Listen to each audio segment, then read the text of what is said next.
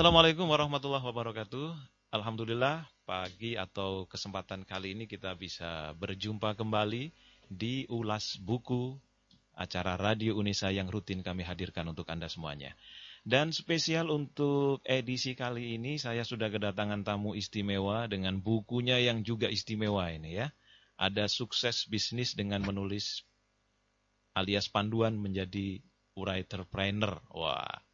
Di depan saya sudah ada Mas Eko Prasetyo. Apa kabar ini Mas Eko? Assalamualaikum, selamat pagi, salam sehat uh, Om Roy. Terima kasih. Waalaikumsalam warahmatullahi wabarakatuh. Kabarnya gimana nih? Alhamdulillah sehat. Uh, saya juga berharap eh, teman-teman uh, serta Om Roy yang ada di Radio Unesa ini tetap sehat selalu dan menjaga vitalitas. Oke, baik. Ini kelihatannya bawa buku istimewa ini. Ini buku yang terbaru ya? Yap, uh, jadi saya pagi ini membawa buku ke 87. Wow. Ya. 87 ini. Ini ya. buku yang ke-87 mendengar. Luar biasa ini. Sudah ke-87 bisa diterbitkan. Ya.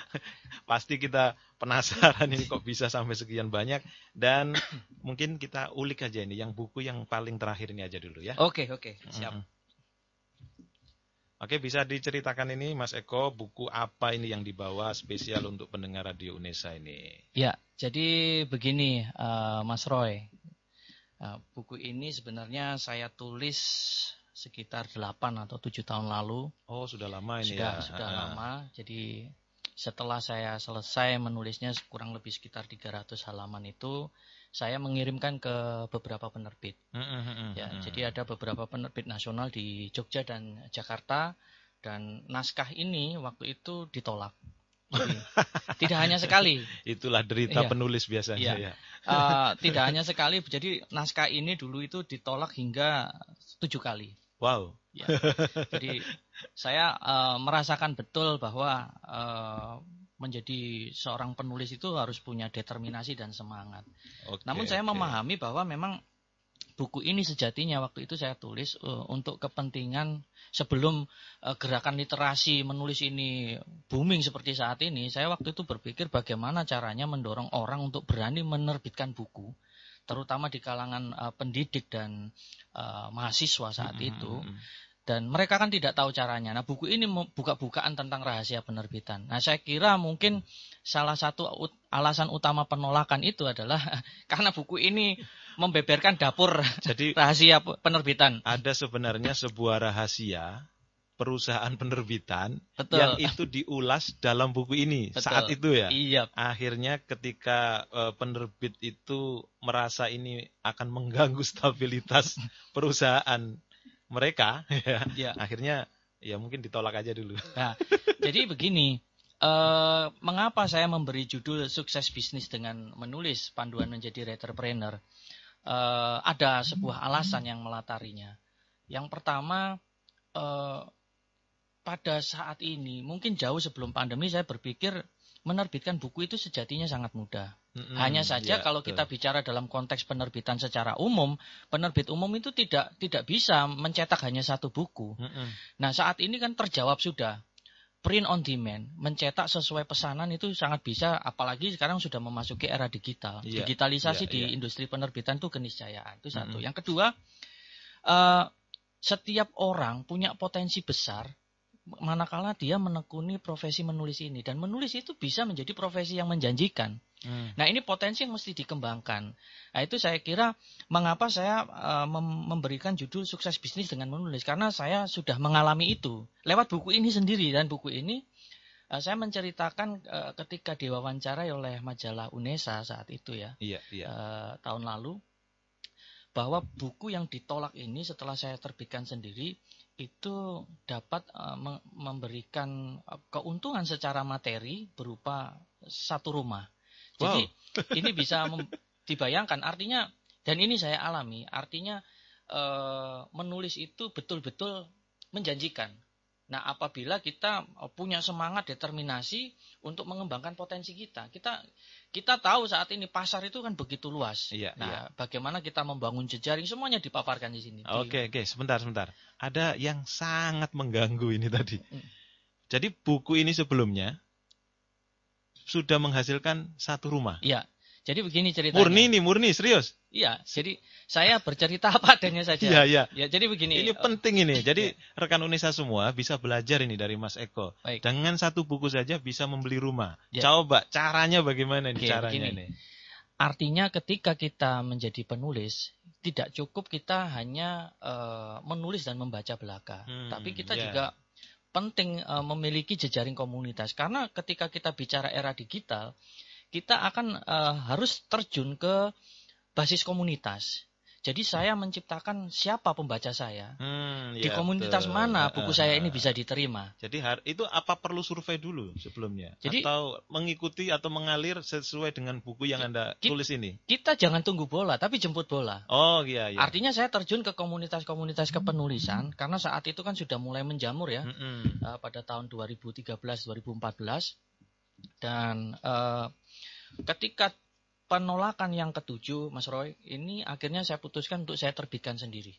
Jadi ketika buku itu sampai kirim ke penerbit ditolak, Ditolak yang ketujuh, yang ada serinya ya, seri Iya. ketujuh. Penolakan bukannya sekali tapi yang ketujuh kalinya akhirnya dengan betul. dengan inisiatif sendiri menerbitkannya Saya berpikir secara indie gitu ya. Iya, saya berpikir saat itu saya tidak mau ditolak sampai ke delapan. Cukup yang ketujuh. Akhirnya saya menerbitkan sendiri. Saya cetak waktu itu 100. Ternyata sambutannya baik. Saya cetak lagi 100 lagi yang kedua dan itu sambutannya Jadi baik. menggunakan print on demand tadi. Iya, Ah. menggunakan print on demand dengan harga jual yang eh, tidak saya ubah-ubah. Hmm. Ya, jadi tetap saja saya tidak mengikuti selera pasar atau harus menurunkan harga tidak begitu Iya, kan itu juga tidak bukan manajemen yang baik pula.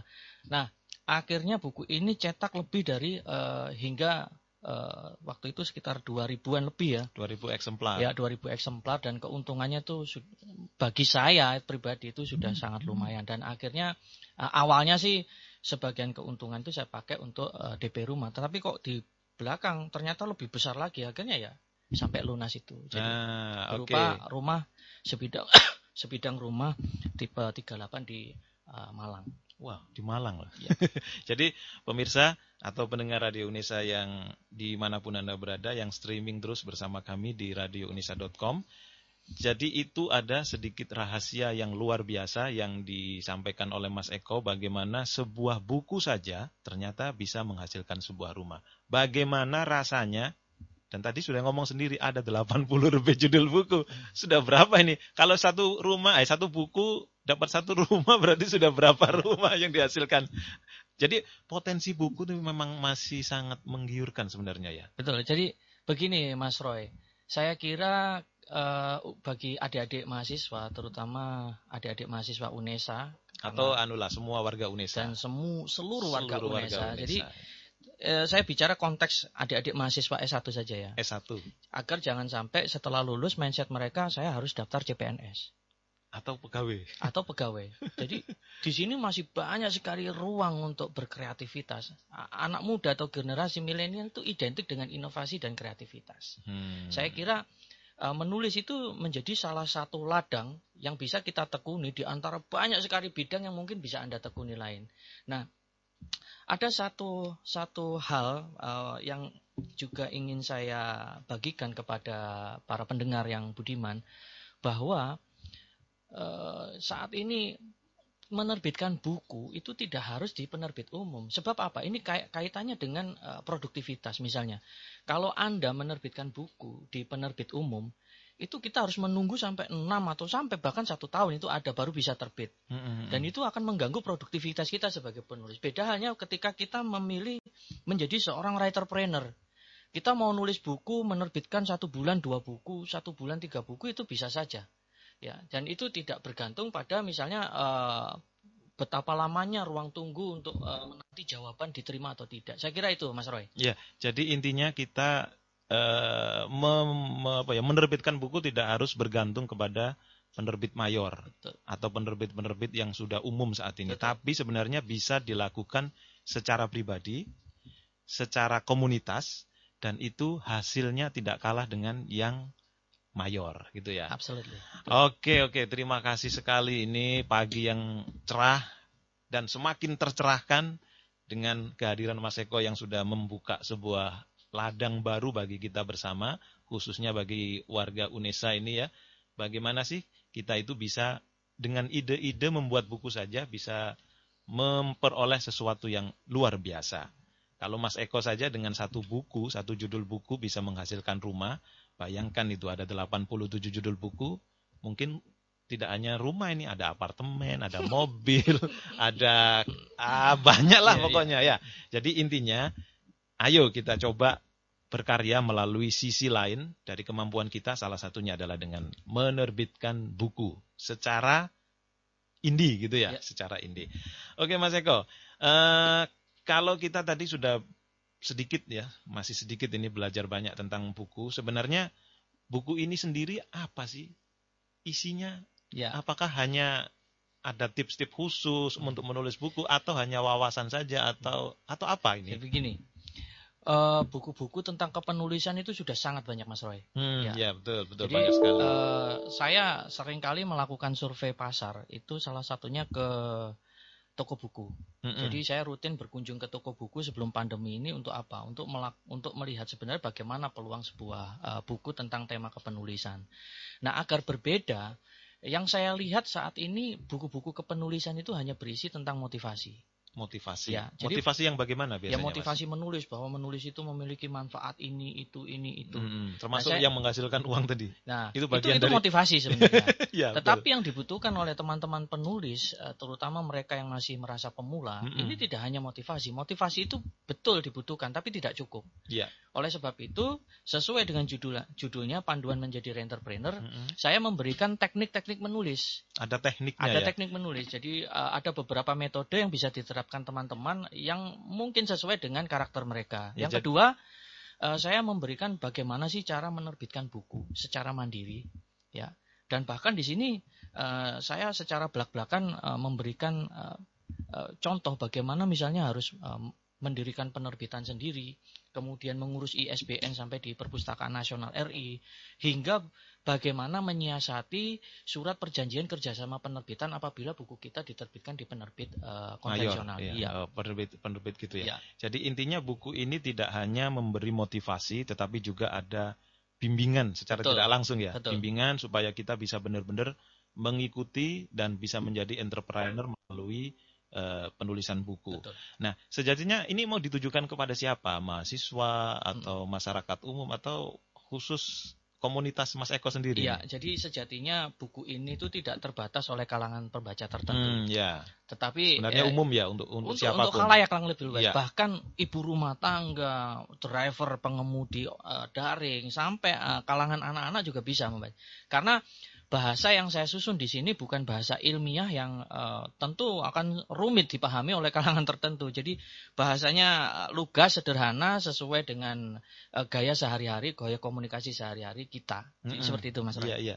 Nah, tapi ini tadi Mas Eko menyebutkan siapa pun ya bisa, bisa. mengikuti Betul. jejak seperti menulis buku ini. Betul. Nah, apakah nanti seandainya ada katakan teman-teman uh, di UNESA ini ya warga UNESA, pendengar di UNESA yang ingin mencontoh ini sebagai apa ya sebagai sebagai landasan nanti untuk bisa menulis seperti ini itu apakah juga Mas Eko ada kontaknya yang nanti bisa dihubungi atau dimintain petunjuk bagaimana bisa menjadi seperti ya. Mas Eko gitu? Ya, uh, di sini sebenarnya sudah saya sampaikan di profil saya hmm. di halaman terakhir eh, teman-teman uh, bisa bisa berkomunikasi dengan saya terkait dengan topik ini. Artinya Eh, apabila misalnya ada yang tertarik untuk menekuni diri di bidang writerpreneur ini, writerpreneurship ini, ini itu akan sangat bagus. Mm -hmm. Sebab sejatinya ada visi besar yang saya usung di sini. Apa itu me, uh, menggelindingkan uh, gerakan literasi menulis membaca secara masif. Nah, kalau misalnya saya hanya bercuap-cuap itu tentu tidaklah cukup. Nah, buku ini menjadi salah satu alat jembatan komunikasi untuk menggelorakan gerakan literasi secara secara uh, nasional. Saya kira kita tidak bicara masalah kompetisi ya, karena begini literasi itu sinergi Mas Roy. Mm -hmm, Kalau betul, misalnya betul buku ini berhasil mencetak penulis lain, penulis lain kemudian um, berhasil menjadi seorang penulis yang besar, itu itu adalah satu jawaban bagaimana gerakan literasi itu berjalan. Okay, nah, saya harap ini bisa menyentuh seluruh kalangan tadi. Oke, sekarang ternyata sudah menyentuh ke gerakan literasi. Nah, kita perlu tahu ini nanti ya apa saja yang uh, bisa kita ambil informasi tentang literasi ini berkaitan dengan penerbitan Indi dan buku sendiri ya. Tapi setelah pesan-pesan berikut ini.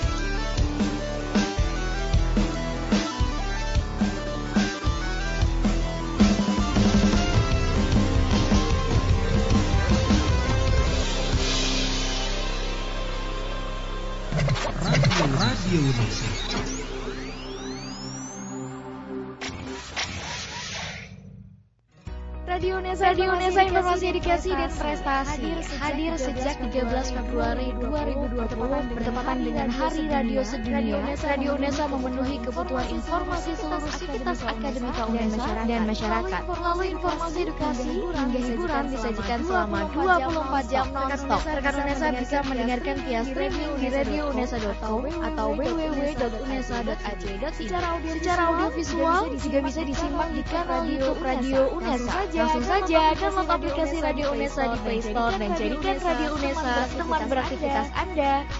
Inilah, inilah Radio Unesa, Radio Unesa informasi edukasi dan prestasi. Rekan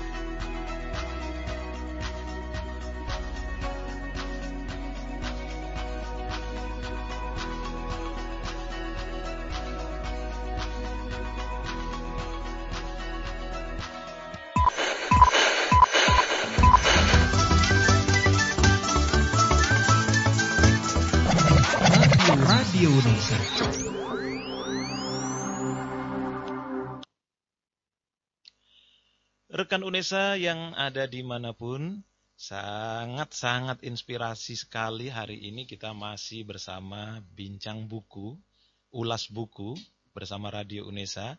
Dan Mas Eko tadi menyimpan satu pertanyaan istimewa dari saya yang akan segera dibeberkan kembali ya ini. Oke, Mas Eko, ini tadi Anda menyinggung masalah literasi. Ya, literasi apa pun itu sekarang jenisnya sudah banyak sekali, tapi saya ingin sedikit saja tentang apa kaitannya buku Anda ini dengan literasi sekaligus memasyarakatkan literasi. Oke. Jadi begini Mas Roy dan para pendengar yang budiman, uh, kalau kita bicara literasi, literasi itu kan definisinya luas ya. Ya, luas Tetapi sekali. jantungnya literasi sebenarnya adalah membaca dan menulis. Hmm. Literate literate. Membuat masyarakat itu menjadi melek, paham, melek, iya, paham, ya, paham. Ya. ya. Jadi kalau bicara budaya literasi, maka tidak bisa dilepaskan dari konteks membaca menulis. Nah, buku ini tidak hanya mendorong masyarakat Indonesia menjadi masyarakat yang punya minat baca, tetapi juga uh, mampu mau berbagi. Ah, ya. Berbagi inspirasi. Nah, berbagi inspirasi itu kalau hanya diucapkan secara lisan akan bisa uh, lenyap. Sebab begini, sesuatu yang terucap itu akan lenyap, tapi sesuatu yang tertulis itu akan abadi. Hmm, ya, nah, kami betul. mendorong ini uh, budaya literasi ini dalam buku ini. Kenapa? Karena agar minat baca mulai anak-anak hingga orang dewasa di Indonesia itu semakin baik. Sebab terakhir uh, saya ingin tegaskan kembali kemajuan sebuah bangsa tidak bisa dilepaskan dari kemajuan budaya literasi. Wah, jadi begitu mendengar ya. Jadi intinya kalau Anda membaca buku ini nanti setelah membaca, Anda juga harus mencoba mengimplementasikannya ya. Mengimplementasikannya itu bisa menjadi penulis, bisa menjadi apa pun lah yang ada di sini. Karena banyak sekali nih contoh-contohnya. Ada uh, motivasi uh, dari apa ya? Mas Eko menulis tentang uh, metode menulis Buya Hamka. Kemudian juga ada uh, uh, dari apa nih? Mari tengok Sapardi sejenak. Nah, ini kan barusan kemarin ada sastrawan Pak Sapardi yang meninggal. baru saja meninggal ya. Ya, kita kan sudah kehilangan. Nah, ini mungkin apa eh, rasa-rasa uh, yang dimiliki oleh para sastrawan itu juga nanti bisa kita nikmati. Dan yang paling utama juga ini ada sastrawan dari UNISA ini ya. Betul. Prof Budi Dharma ya, sastrawan dunia hmm. yang dilahirkan oleh UNESA juga ada di sini nih. Hmm. Jadi ini menurut saya juga sangat akan memotivasi sekali sekaligus juga menjadi corong bagi hmm. kita warga UNESA untuk mencoba meliteratkan ya, meliterasikan dan ini yang coba diusung Mas Eko. Nah, ini kita coba sejenak kita tutup bukunya dulu. Saya ingin lebih tahu ini. Karena katanya tadi sebelum kita uh, di hadapan mic dan di hadapan kamera ini, Mas Eko cerita katanya sudah menerbitkan berapa? 87 buku ya? Ya. Ya. Mas Eko, gimana caranya menerbitkan 87 buku itu? Oke. Uh, pertanyaan ini sering disampaikan kepada saya. Dan orang hanya melihat bahwa seorang Eko Prasetyo, warga Unesa itu uh, keren karena bisa menulis 87 buku di usia yang belum 40 tahun. Wah. Orang hanya melihat itu. Buka rahasia ini, berarti ya. masih muda sekali. uh, yang orang tidak banyak tahu itu adalah proses di belakangnya. Prosesnya. Nah, Betul. ini saya juga mau tahu ini ya. apa nih prosesnya saya bagaimana, Dok? menulis buku itu sebenarnya sudah sangat lama. Itu saya mulai sejak saya masih mahasiswa S1 Sastra Indonesia UNESA. Wow, ya, ternyata jadi ada alum, proses proses alumnus panjang. juga saya alumnus UNESA, jadi saya memang punya passion uh, membaca. Saya punya hobi membaca, Mas Roy. Mm -hmm. Dan saya kira pengalaman-pengalaman itu akan sangat sayang apabila tidak saya bagikan. Saya mm. saya tidak berpikir hanya semata menulis buku karena materi, tidak demikian. Jadi saya menulis itu apa yang ingin saya tulis maka akan saya tulis. Jadi saya tidak terpaku pada buku ini nanti harus harus menjanjikan materi dan uh, misalnya alasan-alasan lain tidak demikian. Nah, saya semakin uh, produktif menulis itu selepas saya uh, pensiun dini di Harian Jawa Pos. Oh, saya, dulu jadi sebenarnya uh, bekerja di uh, penerbitan media juga ya? Ya, saya dulu di Harian Jawa Pos sebagai editor bahasa uh, dan dari situ setelah lepas dari sana saya ingin men lebih menekuni profesi ini. Saya ingin membuktikan bahwa pada saat itu ya menulis itu apakah menjanjikan. Jadi ada pandangan seperti itu. Nah, hmm. ini coba saya ubah mindset ini dengan cara menulis. Nah, dari situ mulai 2013 sampai saat ini sudah uh, lebih dari 80 buku saya tulis. 80 buku. Ya. Itu buku apa saja Mas Eko bisa Jadi buku-buku yang saya terbitkan itu lebih banyak bicara pada tema-tema edukasi, literasi, jurnalistik dan ilmu komunikasi. Nah, apakah ini termasuk juga buku-buku yang dalam tanda kutip gitu ya, semacam ghostwriter juga? Uh, iya, saya, jadi kebetulan beberapa tahun silam saya menekuni profesi sebagai penulis bayangan iya. atau ghostwriter. Uh, uh, uh, kalau itu memang saya lakukan karena alasan materi karena sangat menjanjikan. ya. Sebentar, sebentar. Sangat menjanjikan. Betul boleh tahu berapa kalau menulis gitu? Satu buku lah untuk ghostwriter itu. Ya, jadi untuk menuliskan satu buku biografi tokoh atau pejabat tertentu uh, pada saat itu kan memang bervariasi ya. Tahun-tahun berapa itu Mas Eko? Itu tahun 2013 hingga kurun 2018. Di awal-awal tahun 2000 Ya, jadi ya. itu saya menekuni itu uh, kurang lebih antara 50 sampai 150 juta. Per satu? Per satu buku. Per satu buku? Iya per satu itu judul. murni untuk sendiri atau sekaligus cetaknya? jadi uh, waktu itu hanya untuk menulisnya saja menulis saja. Ya, jadi, menulis jadi cetaknya itu pihak, pihak luar. Lah, ya. jadi itu mulai riset mulai Betul, uh, kan kita ada risetnya uh, observasi lapangan wawancara wawancara. jadi uh, jadi banyak. Sekaligus juga nulisnya. Betul. Berarti uh, pihak yang dituliskan itu sudah langsung terima jadi gitu betul. ya? Betul. Nanti kalau penerbitannya bagaimana Apakah masih dengan Mas Eko juga atau pihak lain? Jadi uh, kami menawarkan beberapa opsi ya. Hmm. Uh, salah satunya apakah uh, yang bersangkutan itu atau klien saya uh, mau atau tidak dia menggunakan agen penerbitan. Oh, ada ada ya, gitu ada. ya. Kalau agen penerbitan otomatis dia akan diterbitkan oleh uh, salah satu penerbit besar di Indonesia. Hmm. Dan itu uh, ada klausulnya lagi. Jadi berbeda ya. Kalau ghostwriter tuh murni dari uh, saya menulis sampai dibayar mulai, untuk menulis, menulis. Untuk, pokoknya untuk menulis. Menulis ya? saja. Uh -uh. Tetapi kenapa kok uh, honor seorang penulis bayangan itu bisa sangat tinggi di Indonesia? Ini salah satunya karena nama kami tidak tercantum di buku tersebut. jadi, ya, jadi dibeli ya, iya, dibeli. Ya, Nama ya. Anda sudah dibeli ya, artinya uh, ya. uh, itu hak hak menulisnya, hak, yang hak pembayar, cipta, hak ya. pembayar. Iya betul. Uh, jadi hak, sudah hak ciptanya lah. itu sudah sudah dibayar.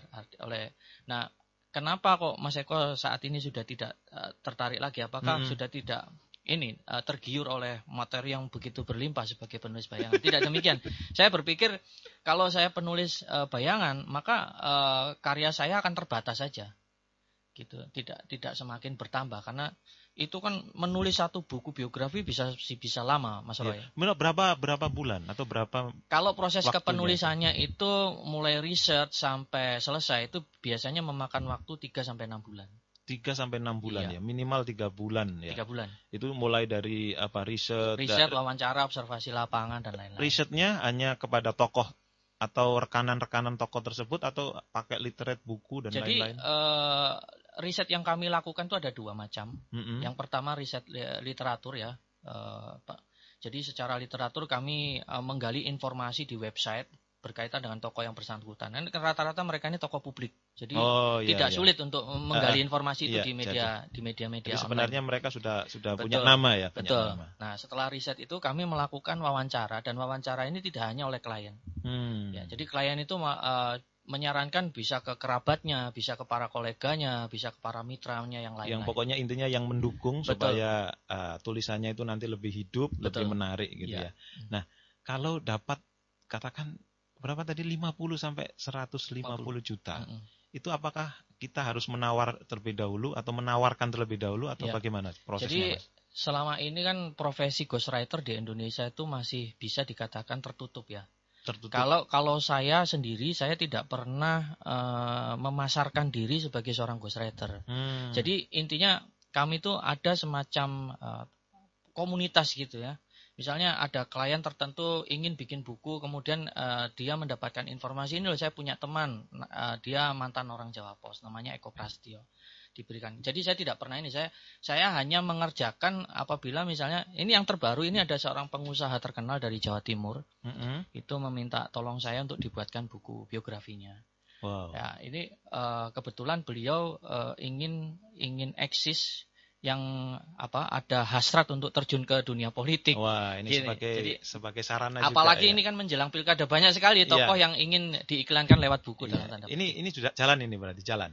Ya saat ini saya sedang jalankan, Wah. tapi tentu saja saya tidak bicara pada konteks ya, saya harus terjun eh, ke aliran politik tertentu tidak. Ini saya Oh. bicara secara profesionalisme saja. Jadi profesional sebagai Penulis, penulis ya. penulis yang tidak mau ditampakkan Betul, namanya. betul. Iya. Oke, sangat luar biasa pemirsa dan ada satu segmen lagi yang pasti masih banyak sekali informasi yang akan kita gali. Setelah pesan berikut ini kita akan kembali dengan Mas Eko Prasetyo.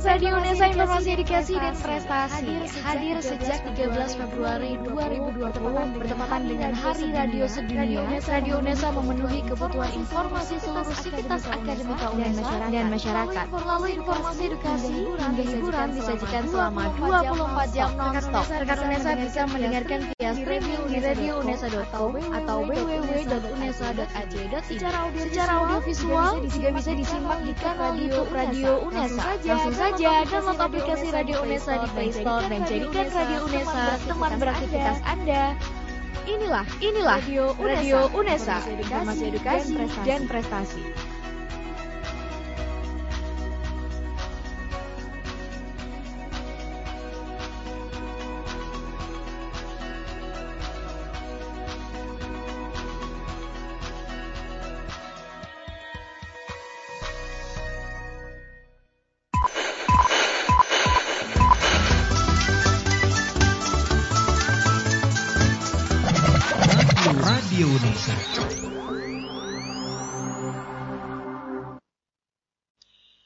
Unesa masih di Ulas Buku Radio Unesa yang selalu bisa Anda dengarkan melalui streaming di www.radiounesa.com atau kalau Anda mau lebih praktis sebenarnya bisa Anda download di Google Play ya. Anda bisa dapatkan aplikasinya di sana dengan eh, kata kunci Radio Unesa. Anda download dan Anda bisa dengarkan kami di sana.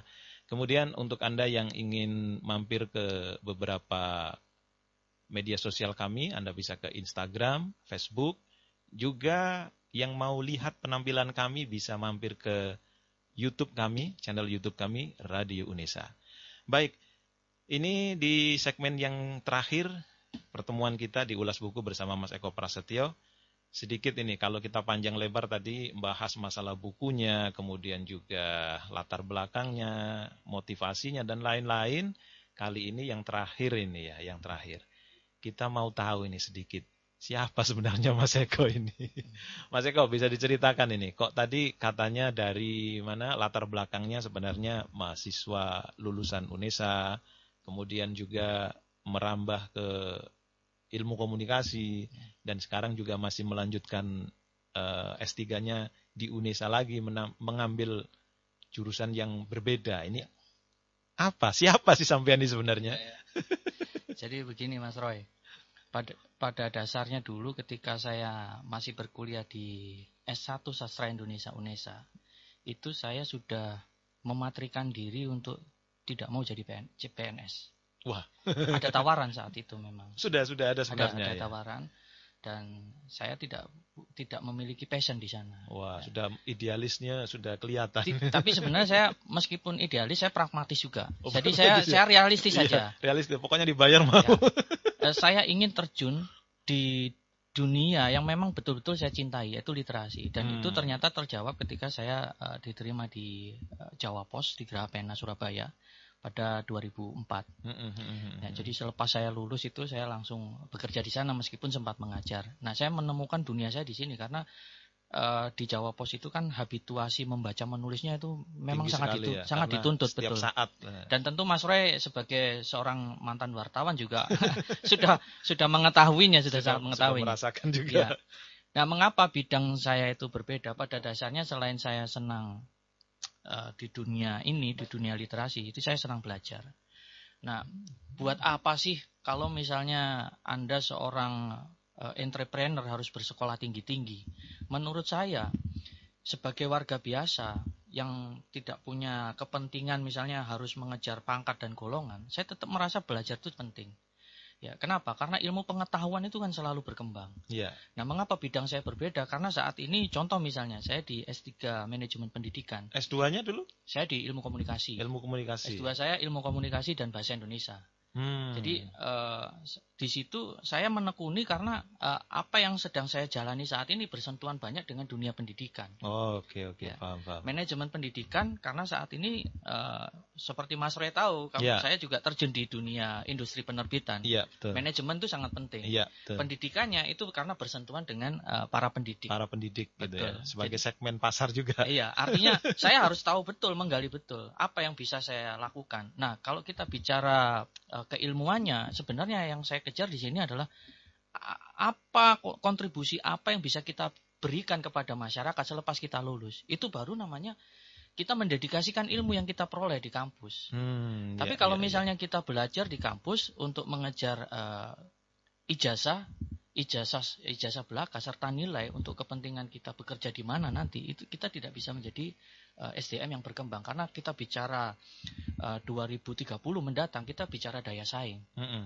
Kalau bicara daya saing, kontribusi apa, potensi apa yang bisa kita kembangkan. Nah, inovasi, kreativitas itu saya kira bisa kita peroleh di bangku perkuliahan ini. Gitu Mas Roy. Ya, jadi tujuannya memang untuk satu menambah pengetahuan, Betul. ya, bukan bukan hanya sekedar mengejar titel ya. Betul.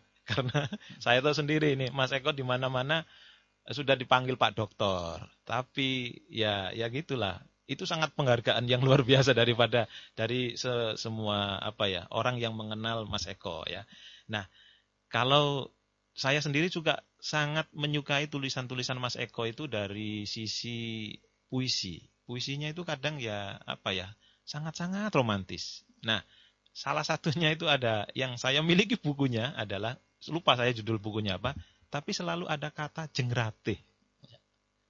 saya penasaran ini dan mungkin banyak pendengar atau pembaca atau penggemar Mas Eko ini penasaran juga. Ya. Siapa sebenarnya Jeng Ratih ini? Jadi begini, kenapa ketika saya punya passion menulis buku-buku tentang keilmuan bahasa Indonesia, ilmu komunikasi dan jurnalistik, tapi saya juga menerbitkan buku-buku sastra puisi. Itu karena saya tidak ingin menghilangkan uh, status saya sebagai orang sastra. Ya, oh. Itu satu ya. Oke oke paham paham sekarang baru Kenapa tahu ada ya. nama Jeng Ratihku sayang? Ini sejatinya saya ingin memberikan pesan kepada istri saya. Uh, ada pesan begini.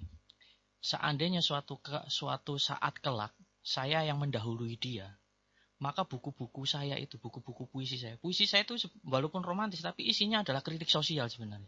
Oh iya iya. Memotret kritik sosial eh, isu-isu terkini pada saat itu di masyarakat. Jadi saya Hmm. ingin istri saya tuh tahu bagaimana perasaan saya, gagasan saya, pemikiran saya yang saya tuangkan lewat bait-bait sederhana dalam puisi.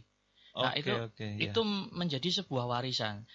Bagi saya Mas Roy, kalau kita mewariskan eh, rumah atau mobil, anak-anak kita mungkin bisa bertengkar, berebut warisan Rebut itu. warisan harta. Tapi ya. kalau kita mewariskan ilmu untuk ilmu bagaimana membeli rumah, ilmu bagaimana memiliki harta, Heeh. mer- itu tidak akan pernah habis.